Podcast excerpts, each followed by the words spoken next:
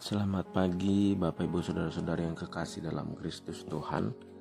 Pagi ini sebelum memulai aktivitas Saya mengajak kita semua untuk mengambil waktu sejenak untuk renungkan firman Tuhan.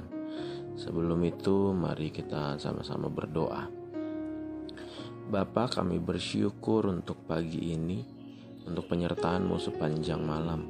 Jika pagi ini kami masih boleh bangun Kami percaya itu karena ada tugas dan tanggung jawab yang harus kami kerjakan. Biarlah Tuhan menolong kami, memberikan kami kekuatan.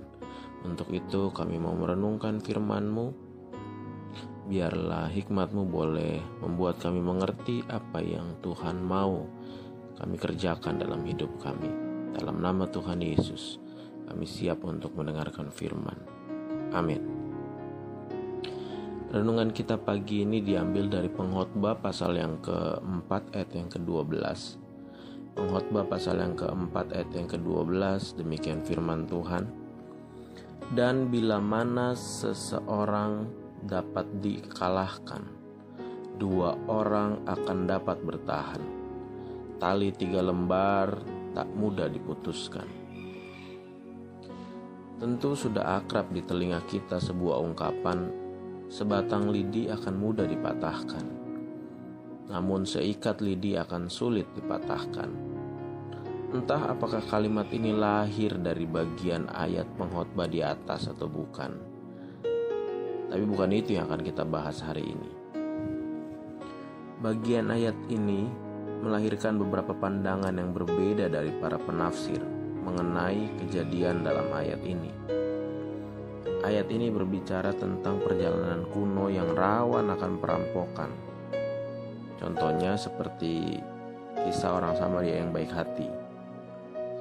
Atau ayat ini juga berbicara tentang perkelahian umum yang biasa terjadi di mana saja. Tapi apa pun pandangan yang ada tidak akan mengurangi makna dari ayat ini. Sekilas ayat ini terkesan seperti mengajarkan kita bahwa pengeroyokan itu sah dan diperbolehkan dalam kekristenan dan ada landasan Alkitabnya. Padahal bukan itu maksudnya.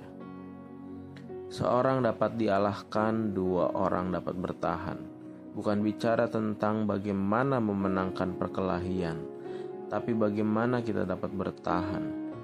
Kalimat di atas adalah kalimat pasif bertahan bukan kalimat aktif yang mengarah pada sebuah kondisi aktif menyerang. Bertahan dari apa? Setiap hari kita diserang, disakiti, difitnah, dicaci, dibully. Dan kita dituntut untuk mampu bertahan, bukan kembali menyerang. Untuk itu kita perlu sahabat, kita perlu orang lain untuk menolong kita bertahan dari serangan yang ada. Ketika menghadapi situasi-situasi sulit, bukan tentang bagaimana kita melakukan, melakukan klarifikasi ke sana kemari, tetapi bagaimana orang-orang terdekat yang kita percayai tetap ada bersama kita dan mempercayai kita. Itulah yang membuat kita mampu bertahan. Itulah yang membuat kita tidak mudah dikalahkan. Untuk itu, kita perlu komunitas yang baik. Untuk itu, kita perlu menjadi sebuah komunitas yang baik, komunitas yang saling menguatkan, komunitas yang saling mempercayai. Tidak aktif menyerang kembali ketika kita diserang memang bukanlah sesuatu yang mudah tapi ketika kita mampu bertahan untuk tetap diam dengan dukungan orang-orang dari sekitar kita, kita akan mengerti betapa pentingnya relasi daripada koneksi. Selamat pagi, berdua saling menjaga.